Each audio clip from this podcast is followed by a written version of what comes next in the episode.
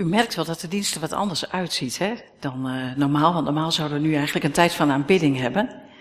Um, maar we gaan het gebed een andere plek geven zometeen wanneer we gaan bidden voor de leidende kerk. Kom rustig binnen, de mensen die nog uh, achterin staan. Ik zou eerst graag met u willen bidden. En deze dienst aan de Heer opdragen. Ja, vader, dank u wel dat we deze zondagmorgen bij u mogen komen.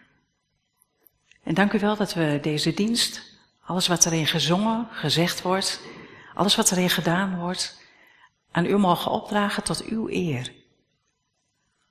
En dank u wel dat we ons verbonden mogen weten. Verbonden mogen weten met al die broeders en zusters, al die broers en zussen, die overal in de wereld ook met diensten bezig zijn. In het klein of in het groot. Met hetzelfde verlangen van u te eren.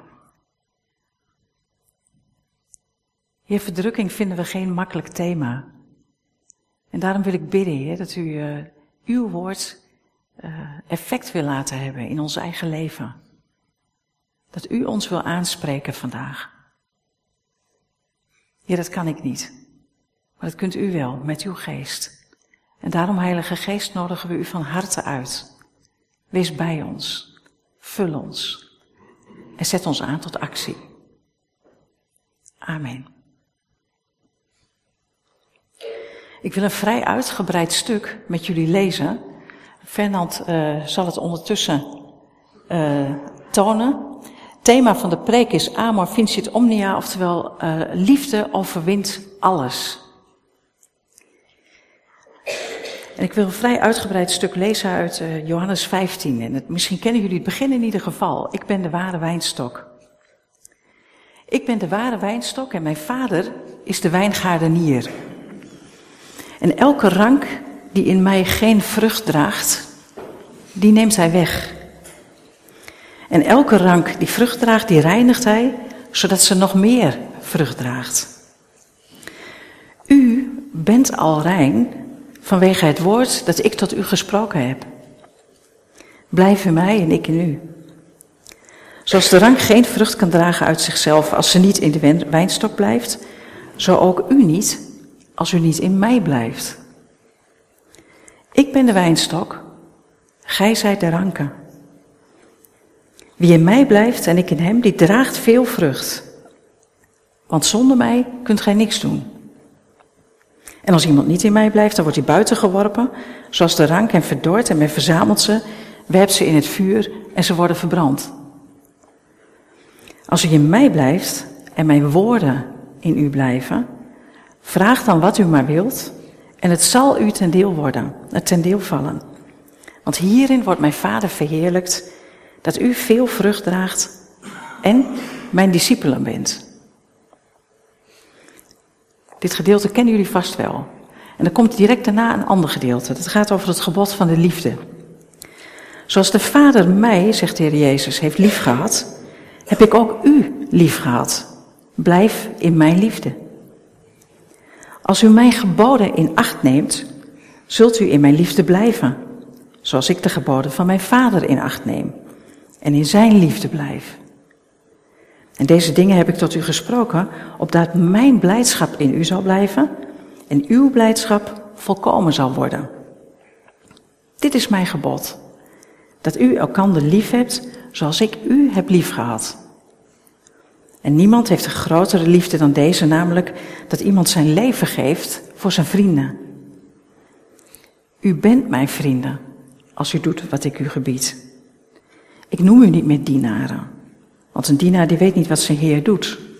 Maar ik heb u vrienden genoemd, omdat ik alles wat ik van mijn vader gehoord heb, bekendgemaakt heb.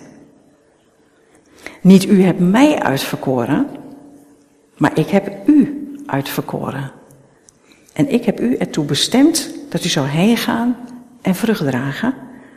En dat uw vrucht zou blijven, opdat we ook maar van de Vader vragen in mijn naam, hij u dat geeft. Dat is de tweede keer hè, dat je mag bidden en dat God het je zal geven. Dit gebied ik u, dat u elkaar lief hebt. Dan komt het derde gedeelte. En dat gaat over de haat van de wereld. Dus we hebben eerst de wijnstok, de ranken, dan het gebod van de liefde en dan ook de haat van de wereld. Als de wereld u haat, weet dan dat ze mij, zegt de Heer Jezus, eerder dan u gehaat hebben. Als u van de wereld zou zijn, dan zou de wereld het hare lief hebben. Maar omdat u niet van de wereld bent, maar ik u uit die wereld heb uitverkoren, daarom haat de wereld u. Herinner u het woord dat ik u gezegd heb. Een dienaar is niet meer dan zijn Heer. Dus als ze mij vervolgd hebben, zullen zij ook u vervolgen. Als ze mijn woord in acht genomen hebben, zullen zij het uwe ook in acht nemen. Maar al deze dingen zullen zij u aandoen omwille van mijn naam, omdat ze Hem niet kennen die mij gezonden heeft. Als ik niet gekomen was en tot hen gesproken had, dan hadden ze ook geen zonde. Maar nu hebben ze geen voorwendsel voor hun zonde. En wie mij haat, haat ook mijn vader. Als ik onder hen niet de werken gedaan had die niemand anders gedaan heeft, dan hadden ze geen zonde. Maar nu hebben zij ze gezien en mij en mijn vader gehaat. Maar het woord moet vervuld worden dat in de wet geschreven is: ze hebben mij zonder reden gehaat. Maar wanneer de trooster is gekomen, die ik u zenden zal van de Vader, de geest van waarheid, die van de Vader uitgaat, dan zal die over mij getuigen. En u zult ook getuigen, want u bent vanaf het begin bij mij.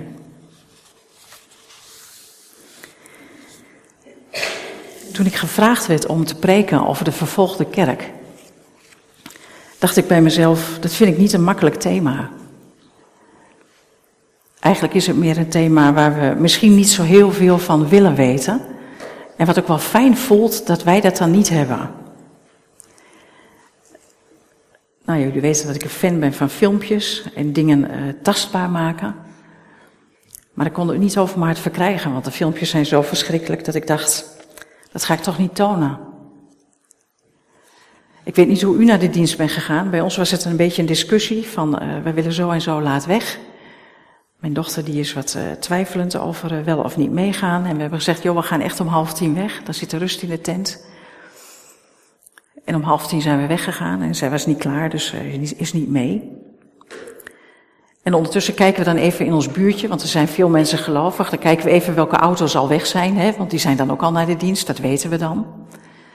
En daar hebben we verder dan geen conclusies bij. Gewoon dat we weten, oh ja, oh, zij zijn ook al naar de kerk. En zij zijn ook al naar de kerk.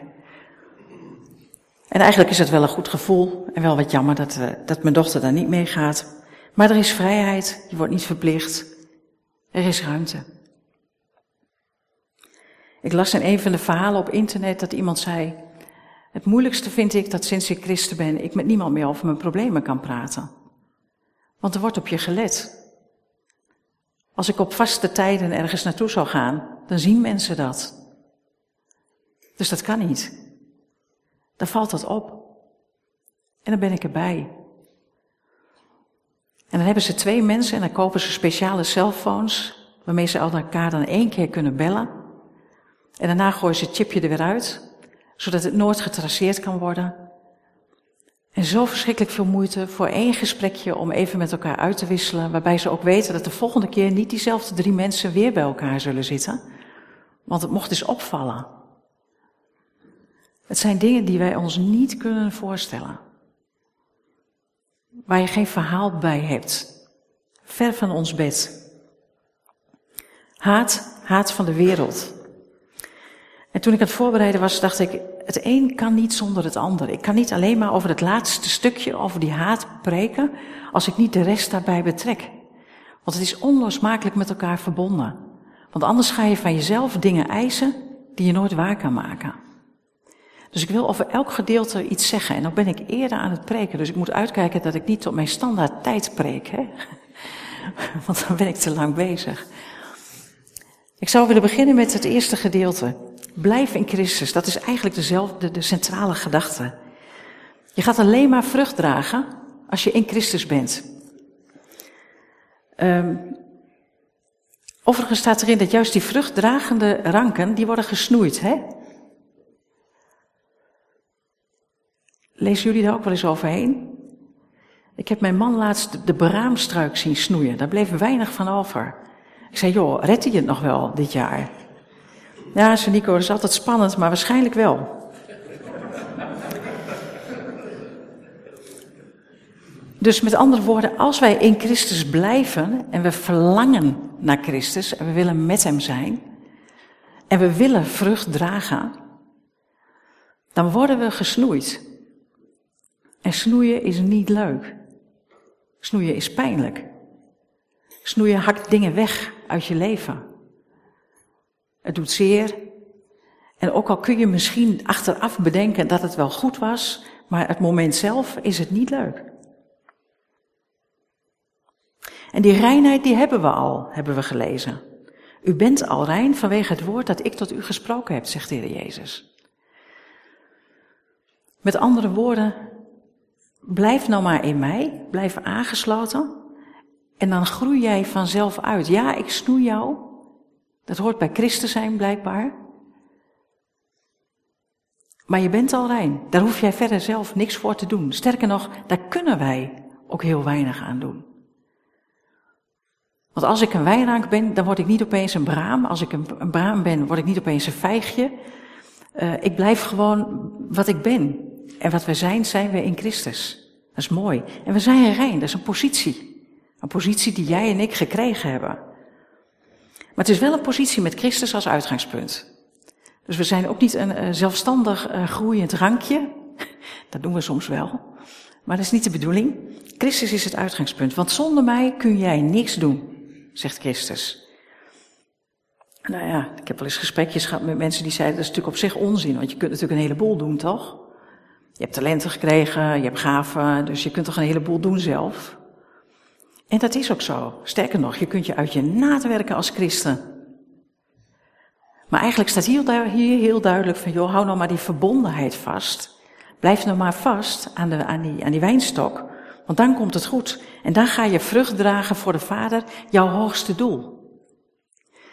Zo nu dan werk ik met iemand en die zegt dan, nou, de vraag die we onszelf eens moeten stellen is, waartoe zijn wij op aarde?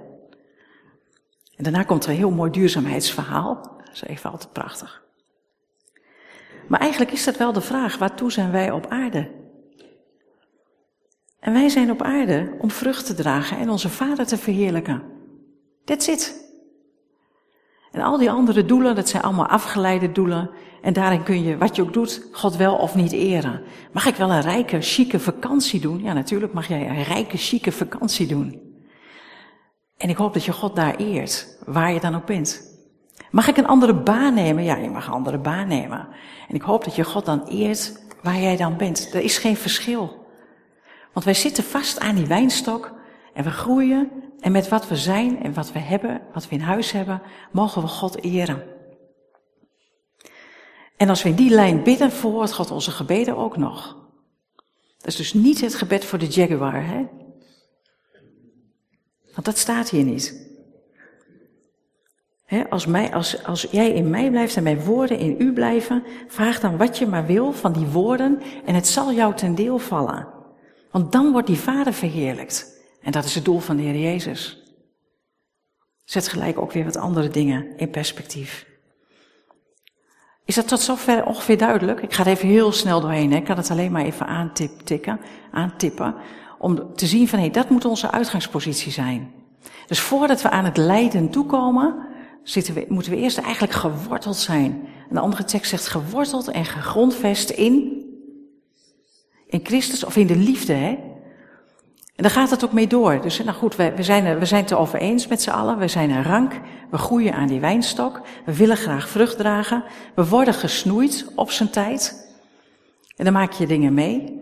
En die vind je niet leuk. En je snapt het soms ook niet. Toch gebeurt er wat. En als je dan dicht bij God blijft, je kunt er ook bij weggaan dan, hè. ken ik ook in mijn eigen leven. En als je dan bij God weggaat, gaat je leven totaal een andere richting op. Maar je kunt ook juist bij God blijven en dan leer je die liefde van God kennen. Dat is dat tweede gedeelte. En dat is nogal een liefde, hè?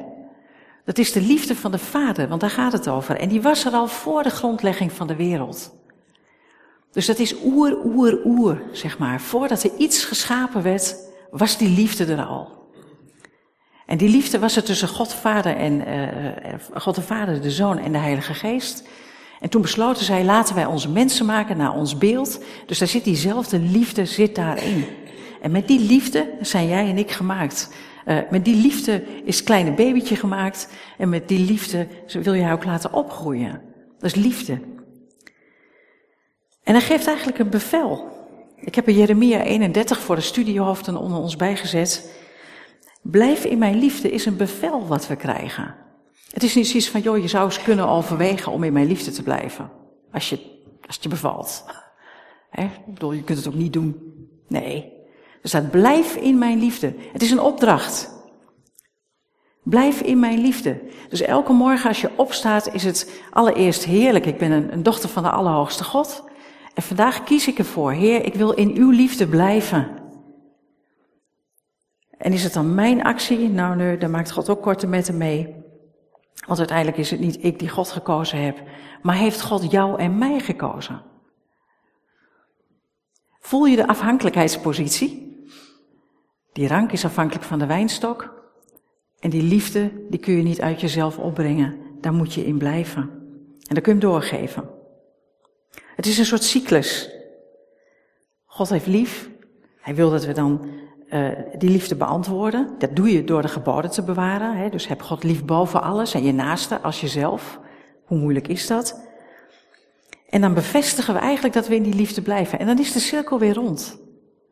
Maar basis is de liefde van God. En niet onze geweldige liefde die we hebben voor mensen. Niet wij kozen Christus, maar Christus koos ons. En opnieuw sluit dit stukje af met dat onze gebeden verhoord gaan worden. En opnieuw moet je het echt lezen in de context van dit gedeelte. Want het gaat over liefde ontvangen en liefde door willen geven. Mensen lief willen hebben en je merken, het lukt mij niet om die ander lief te hebben. Nou, er is altijd een vrolijk lied op de achtergrond.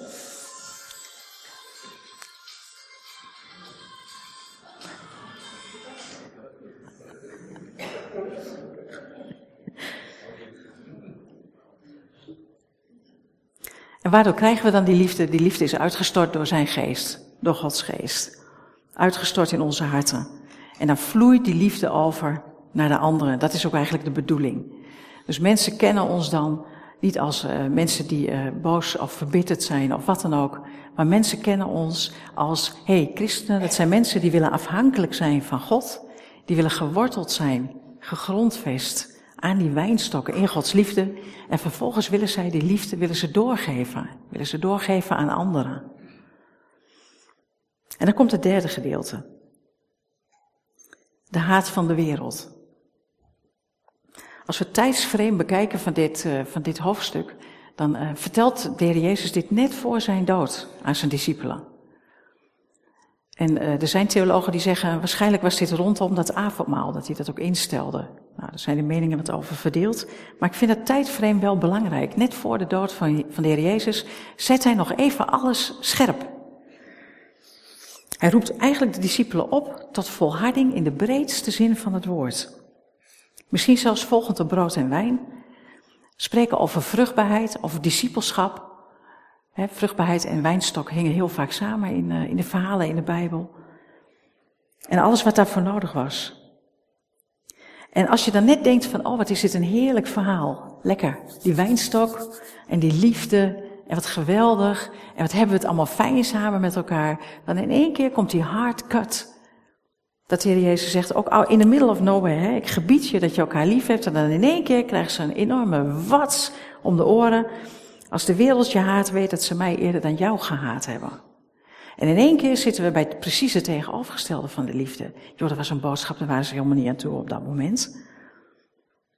En wat is dan die wereld? Want de Heer is toch juist gekomen voor de wereld, om de wereld te redden. Wat is dan wereld? Dat is best een belangrijke. Want wat hier bedoeld wordt, is eigenlijk de wereld als een soort systeem. Een systeem wat tegen God gericht is. Een systeem uh, uh, wat eigenlijk antichristelijk is. Openlijk vijandig, niet alleen tegen God de Vader en de Zoon, maar ook tegen christenen. Op dat moment was dat systeem eigenlijk al duidelijk, hè? En zou nog duidelijker worden door de geestelijke leiders van Israël. Want die stonden als systeem vijandig tegenover de Heer Jezus.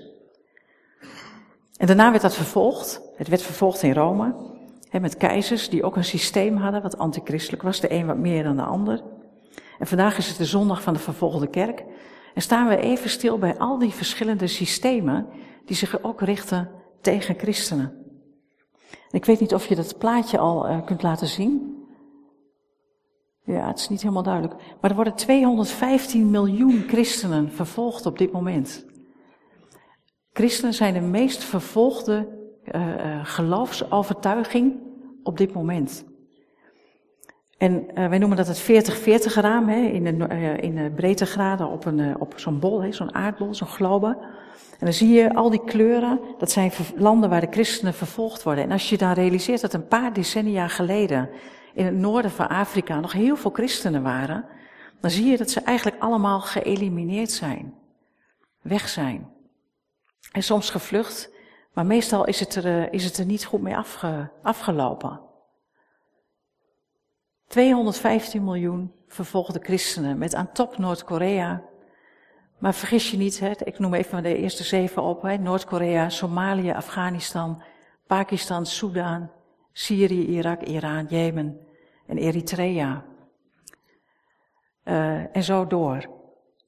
Om ons even bewust te maken wat een enorm gedeelte van de wereld niet vrij is, onvrij is, om christen te mogen zijn.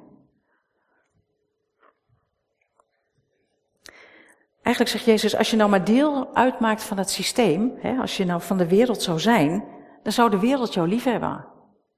Want de wereld houdt van, van haar eigen wereldje. En dat kennen we. Hè, als je past bij het systeem is er niks aan de hand, dan is het goed.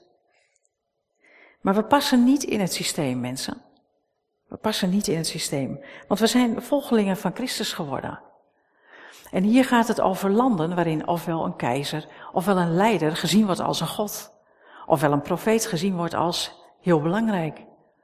Het gaat over interpretatie. Het gaat over van alles. Maar uiteindelijk zijn het allemaal systemen die antichristelijk zijn. Wij zijn anders. We maken er geen deel van uit. En eigenlijk zegt de Heer Jezus, dan is het heel logisch dat de wereld jou haat. Want hoe kun je nou denken dat als ze mij wel haten, dat ze jou dan vreselijk gaan liefhebben? 1 en 1 is 3. Wanneer je je voeding uit de Heer Jezus haalt, en dan komt er een schema, en daarvan waarschuwde eh, je me al dat die niet heel duidelijk zou zijn. Dus die ga ik even uitleggen. Want eigenlijk was ik van plan om over heel wat anders te gaan preken. Want ik had op mijn hart om eh, een stukje te gaan preken over discipelschap en naar volwassenheid en geestelijke strijd. Maar dat ga ik de komende zondagen dat ik mag preken, ga ik dat doen. Maar dit is wel uh, de, de aanleiding. Bovenin is het, uh, staat het wiegje, we, we, worden geboren. En er zit er een levenslijn. En die levenslijn die gaat door. En op een gegeven moment sterven wij. Dan is ons leven is klaar. Dat is die linkerlijn. En het kan best zijn dat je leven zonder Christus begonnen is. En iedereen loopt die lijn af. Hè? Dus iedereen wordt geboren en gaat dood. Dat is iets waar we zeker van zijn. Maar dan zie je op een gegeven moment een puntje in de tijd. Dat is dit puntje in de tijd. En dat is het puntje van de bekering. En dan in één keer gaat je leven een andere kant op. Ja, natuurlijk, menselijke wijs ga je nog steeds door hoor. Naar het moment dat we deze aarde gaan verlaten. Maar geestelijk hebben we een andere identiteit gekregen en gaan we toe naar dat wij als koningen mogen heersen met Christus. Dat we mogen zitten aan die rechterhand van de Vader. Waar Willem laatst zo prachtig over sprak. Dat is de geestelijke werkelijkheid. Maar in die tijd van geestelijke werkelijkheid daar naartoe, je gaat niet gelijk als koning heersen. Net zoals Amalia, die is nou nog niet, geen koningin, mag niet gelijk als koning heersen. Die moet eerst nog een leventje leven. Ik weet niet of jullie het interview gezien hebben. Prachtig interview waarin uh, onze koning ook zegt van nou, ze moeten hun eigen leven leven, hun eigen fouten mogen maken. Er zat een hoop vrijheid zat daarin. En wij gaan ook eigenlijk door zo'n fase heen. En ik, ik, noem ze even voor je op als je het niet kan leven. Het eerste gedeelte is eigenlijk een fase van puinruimen. Want de tijd dat je zonder Christus geleefd hebt, of los van Christus geleefd hebt in je leven, dan ontstaat er puin in je leven. En de Heer wil dat met jou oplossen.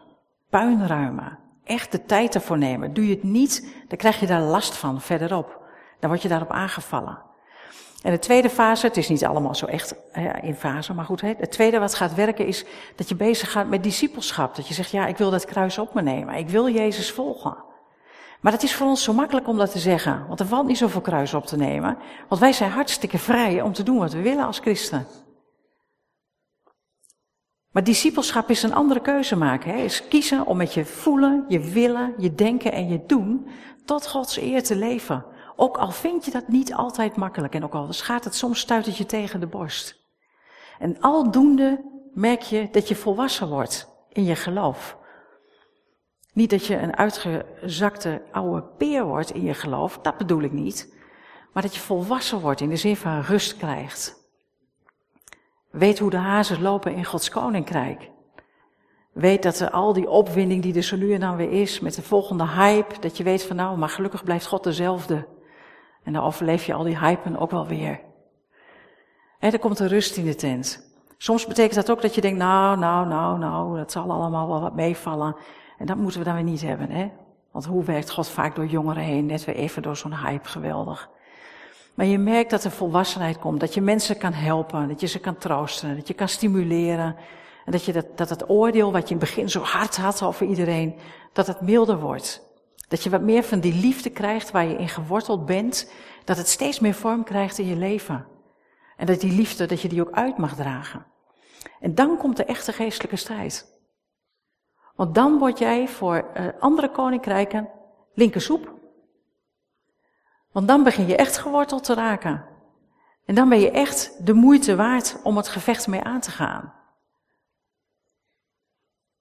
En vervolgens gaan we door naar die fase van met hem regeren. En sommige mensen geven dat nu al invulling hè, in het dagelijks leven van vandaag de dag. Want de Heer regeert en wij regeren met hem mee. Het is een totaal andere manier van denken. Het is metanoia. Het is een, metanoia is het Griekse woord voor bekering. Je leven is omgekeerd. En je gaat niet meer vooral bezig zijn met wat moet ik allemaal realiseren totdat ik gestorven ben.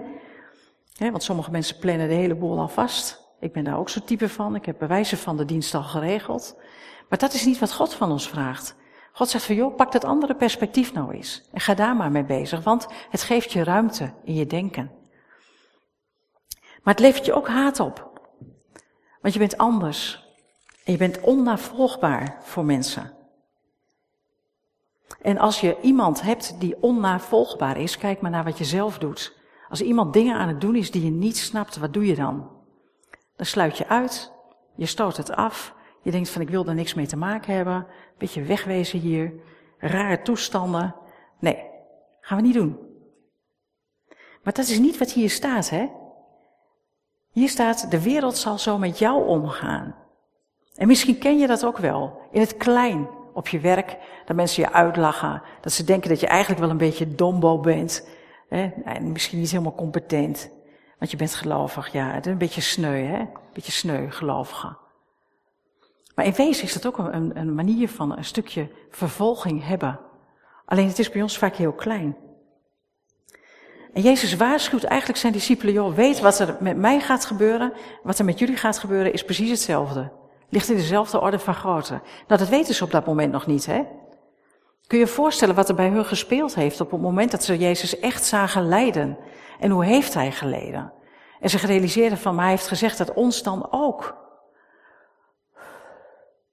En op internet zie je de foto's hè, van de christenen die gekruisigd zijn. Nu, hè, vandaag de dag. Christenen die gekruisigd zijn, die worden opgehangen, die worden verkracht. Omdat ze gelovig zijn. En is het een persoonlijke zaak? Nee, eigenlijk niet. Het is een systeem. Het is een systeem wat tegen het systeem van Christus is. En wat alles onderuit wil halen. En in mijn beleving, ik noem dat Satan, die rondgaat als een brullende leeuw. En waarom? Omdat, en dat zegt de Heer Jezus zo mooi, ze Hem niet kennen die mij gezonden heeft. Want die verhalen kom je ook op internet tegen. De IS-strijders die tot bekering komen. Waarom? Door de liefde die ze gezien hebben bij de mensen die ze aan het afslachten waren. Het gaat om botsende systemen. En de botsende systemen hebben persoonlijke consequenties voor mensen. Er is geen reden. Er is geen oorzaak. Dat zegt de Heer Jezus ook, hè? Ze hebben mij zonder reden gehaat. Gewoon om wie je bent. Gewoon omdat je geen deel uitmaakt van het heersende systeem. David wint zich daar ook over op. Die heeft daar speciale gebeden voor. Die zegt dan uh, op een gegeven moment, opdat mijn, vijand, mijn valse vijanden zich niet over mij verheugen, nog met de ogen wenken wie mijn zonde oorzaak haten, zegt hij, zegt hij in Psalm 35. Je moet het maar eens lezen. En hij stelt ook vast, ik word gehaat zonder reden. Nou, misschien ken je dat in je eigen leven. En de Heer Jezus zelf had een boodschap van liefde, van herstel. Hij deed prachtige wonderen. Hij genas mensen. En dan toch, toch haten ze hem. De Heer zet er zelf wel een maar bij, hè? Hij zegt er een maar bij. Hij zegt in die laatste versen in dit hoofdstuk, daar filosofeert hij eigenlijk over het mensen bewust maken van zonde. Want wanneer Christus niet gekomen was, hadden mensen zich niet gerealiseerd dat ze zondig waren.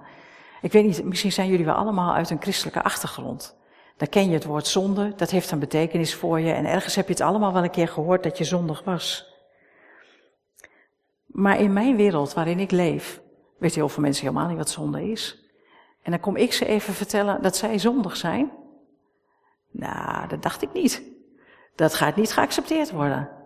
En dat zegt de Heer Jezus ook. Hè? Het moment dat Hij er kwam, maakte Hij mensen bewust van wat zonde is en dat er zonde in levens is, gebrokenheid in levens is. Maar het is niet een boodschap die mensen willen horen, want mensen zijn zelfsturend en autonoom. Jezus geeft de boodschap door. En hij vraagt ons hetzelfde te doen. Jezus was rechtvaardig. Hij had geen zonde. Maar hij droeg wel al onze zonden. En Jezus trekt ons eigenlijk in een ander systeem. Een werkelijkheid die voor ons normaal is, ten leven, maar voor de wereld om ons heen een geur van dood. Zo staat het er hè, in de schrift. Dus wat voor ons een geur ten leven is, is voor een niet-gelovig iemand, iemand uit een systeem wat antichristelijk is, een geur ten dood. En hoe moeten we daar dan mee omgaan? En moeten we daarmee omgaan? En dan vind ik het zo bemoedigend dat in al deze woorden van de wereld zal jou haten, je bent niet meer dan je meester, dat dan de oplossing wordt niet wij, maar God zelf weer. En dat hij dan zegt van, maar wanneer de trooster is gekomen, die ik u zenden zal van de Vader, de geest van de waarheid, die van de Vader uitgaat, dan zal die over mij getuigen. Dus ook dat getuigen in hele moeilijke omstandigheden, daar geeft hij zijn geest voor. Misschien kun je zelfs niet eens meer getuigen. Ik heb mensen in elkaar getrapt zien worden, die hadden geen getuigenis meer op dat moment. Maar de geest was daar wel aanwezig. De geest is daar aanwezig. En wij moeten wel beschikbaar zijn om ons te laten gebruiken. Maar kan dat dan nog? Kan dat als je dat meemaakt? En dan kom ik toch terug op het begin. Waarom ik vind dat die andere teksten erbij moeten. Als iemand mij haat en mij onderuit haalt, fysiek of mentaal, dan voel ik daar geen grote bergen van liefde voor. Helemaal niet. Maar wanneer ik dan terugga naar het perspectief wat ik hier heb staan, dan weet ik dat Gods liefde voor diezelfde persoon maximaal optimaal is. Net zoveel als dat God van mij heeft liefgehad. En dat dat de liefde is die ik mag doorgeven. Mensen, dat kost je je ego. Echt waar. Maar er gebeurt iets in die hemelse gewesten. En er gebeurt iets met jezelf. Want je bent beschikbaar en je wil, je wilt dienen. Blijf als een rank verbonden aan die wijnstok. Blijf gedrenkt in die liefde van God. Want anders hou je namelijk geen stand. Dan houden wij dat helemaal niet vol. Dat is niet aan ons. Vandaag is een zondag waarin we denken aan de mensen die vervolgd worden. En dat zijn er heel veel. En ook al komen we in ons leven misschien ook wel onrechtvaardigheid tegen. En echt dingen die te maken hebben met het feit dat je christen bent. De treiterijen op je werk. Misschien de buren. Het is toch wel echt heel wat anders dan de mensen waar Open Door zich hard voor maakt. Mensen die, ze, die weten dat op het moment dat ze christen worden, uh, ze hun leven niet zeker zijn. Dat ze geen banen meer kunnen krijgen. Hun gezin niet meer kunnen onderhouden. Niet meer mogen studeren. Niet meer bij elkaar mogen komen als christenen. Geïsoleerd worden. Vernederd worden in gevangenissen. Gekruisigd, gemarteld, verkracht, vermoord. Mensen, dat zijn onze medemensen. En wat nog meer is, het zijn onze broers en zussen. En wat doen wij dan? Wat doen wij? Ik sprak er met iemand over en die zei: Ja, maar je leest er nooit wat over. Ik kom het nooit tegen in de krant. Dus ja, dan weet je het niet. Nou, dan weet je het nu wel. Jezus vlak voor zijn dood, die hoopte op de steun van zijn matties, hè, van zijn discipelen. En wat deden ze? Ze vielen in slaap. Jezus die heeft gebeden, gebeden, gebeden dat die beker aan hem voorbij mocht gaan. En wat zei God? Nee, deze beker gaat niet aan jou voorbij. En je gaat hem drinken. Tot de laatste drup. En dat heeft hij gedaan. Wat doen wij? Wat doen wij met onze broers en zussen die vervolgd worden? Die eigenlijk in hun beleving, want als je met ze praat is dat wat ze zeggen. Zij zeggen, oh dit is de fase van verdrukking die in de Bijbel staat. We zitten daar al middenin. Wij denken, oh dat komt later, hè? dan zijn wij al opgenomen, daar hebben we er gelukkig niks mee te maken. Maar zij denken, nee hoor, dat is nu, die tijd van de grote verdrukking. Daar zitten we middenin. Met al die landen. En wat doen wij? Vallen we in slaap? Zeggen we, goh, wat ellendig voor jullie, maar gelukkig bij ons hoort God gebeden en dat overkomt ons allemaal niet. Wegkijken? Of pakken we de handschoen op tegen een systeem? Want we zijn deel van een ander systeem. We maken deel uit van Gods koninkrijk. En dat is waarom we zo meteen gaan bidden. Daar ga ik niet veel over zeggen, want ik wil geen gras van voeten wegmaaien. En dat is waarom het zo belangrijk is om kaarten te schrijven. Want wat zou je zelf hebben? Hoe zou je er zelf in zitten als jij alleen zat en geïsoleerd was? Waar zou jij behoefte aan hebben? Is het dan niet prachtig als je een woord van steun krijgt, een kaart van onverwachte hoek, uh, gebed, dat je weet dat er mensen voor je bidden en dat je niet alleen staat, maar dat er heel veel christenen voor je zijn die ook voor jou in gebed gaan. Die brieven naar je schrijven, niet alleen naar jou, maar ook naar instanties, naar regeringen. Die gebedsavonden bezoeken om voor jou te bidden. Een preek zoals dit, van geworteld zijn in de wijnrank, verbonden blijven, gesookt zijn in Gods liefde, en weten dat haat je gewoon te wachten staat, op welke manier dan ook. Dat kan niet ons niet raken, denk ik. Mij raakt het in ieder geval wel. En waar staan wij dan? En in onze onderlinge discussie hebben we wel tegen elkaar gezegd, waar zouden wij staan als wij voor het blok worden gezet? De meisjes die gepakt zijn door Boko Haram moesten direct bij uh, aantreden uh, beleiden dat zij geen christenen meer waren, maar moslims. En als ze dat niet uh, deden, waren de gevolgen voor hun. Als ze het wel deden, waren de gevolgen overigens ook voor hun. En een heleboel van die jonge meiden die hebben gezegd van dat ze moslim waren. Wat zouden wij doen? In de zomervakantie zagen Nico en ik een hele indrukwekkende film. Van een pater die ging evangeliseren in Japan. Maar Japan heeft een keizer en de keizer is God. En al evangeliserend zag hij dat de mensen die bij hem tot geloof kwamen, uh, eigenlijk zo verschrikkelijk gemarteld werden. En hij ging opeens zien dat wat hij aan het doen was, wat het effect daarvan was op het leven van anderen. Uiteindelijk heeft hij gezegd, ik ben geen christen meer. En om de zoveel tijd moest hij dat weer herbevestigen, dat hij geen christen was. En je ziet dat hij wordt opgenomen in het Japanse systeem een baan krijgt, trouwt met een Japanse vrouw, want hij mocht Japan niet meer uit. En uiteindelijk sterft. We hebben naar zitten kijken met de gedachte van, is dit nu een verloren leven? Had hij nou niet meer of minder of... Ja, ik heb geen woorden. Maar wat wel heel mooi was, was toen hij uh, ritueel verbrand werd aan het eind van zijn leven, omdat hij gestorven was, dat zijn vrouw naar hem kwam en even naar hem toe ging en die had zo'n heel klein metalen kruisje. En dat legde ze nog gauw even tussen zijn handen. Was hij echt boeddhist geworden? Ik weet het niet. Het oordeel is ook niet aan mij.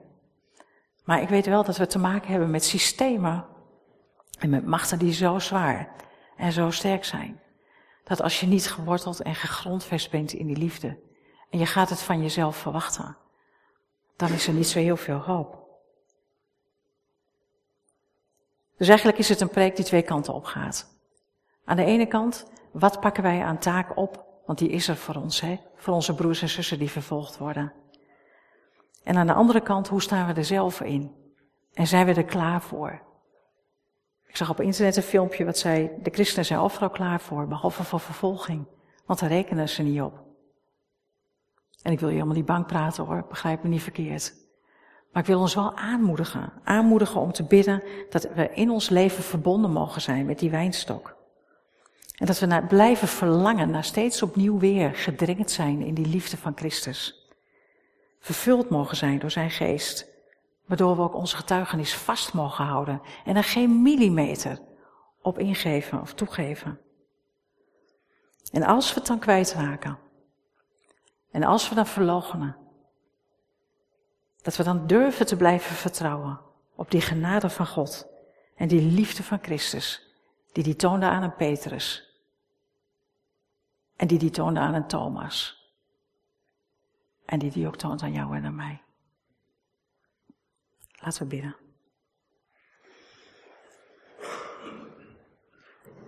Ja, Heer onze God, U bent zo trouw. U kent ons zo goed. En u weet dat we een getuigenis hebben wat we helemaal niet kunnen hebben zonder u. Omdat alles met u verbonden is. En zoals wij hier staan, heren, en ook als we zo meteen gaan bidden voor onze broers en zussen, dan bidden we dat, eh, dat die verbondenheid met u, dat die blijft. Dat u ons vasthoudt. Dat u ons genadig bent. Maar vooral ook dat u dat ook met hen doet. Heer, dat u ze kracht geeft. Dat u ze bemoedigt. Dat u ze moed geeft.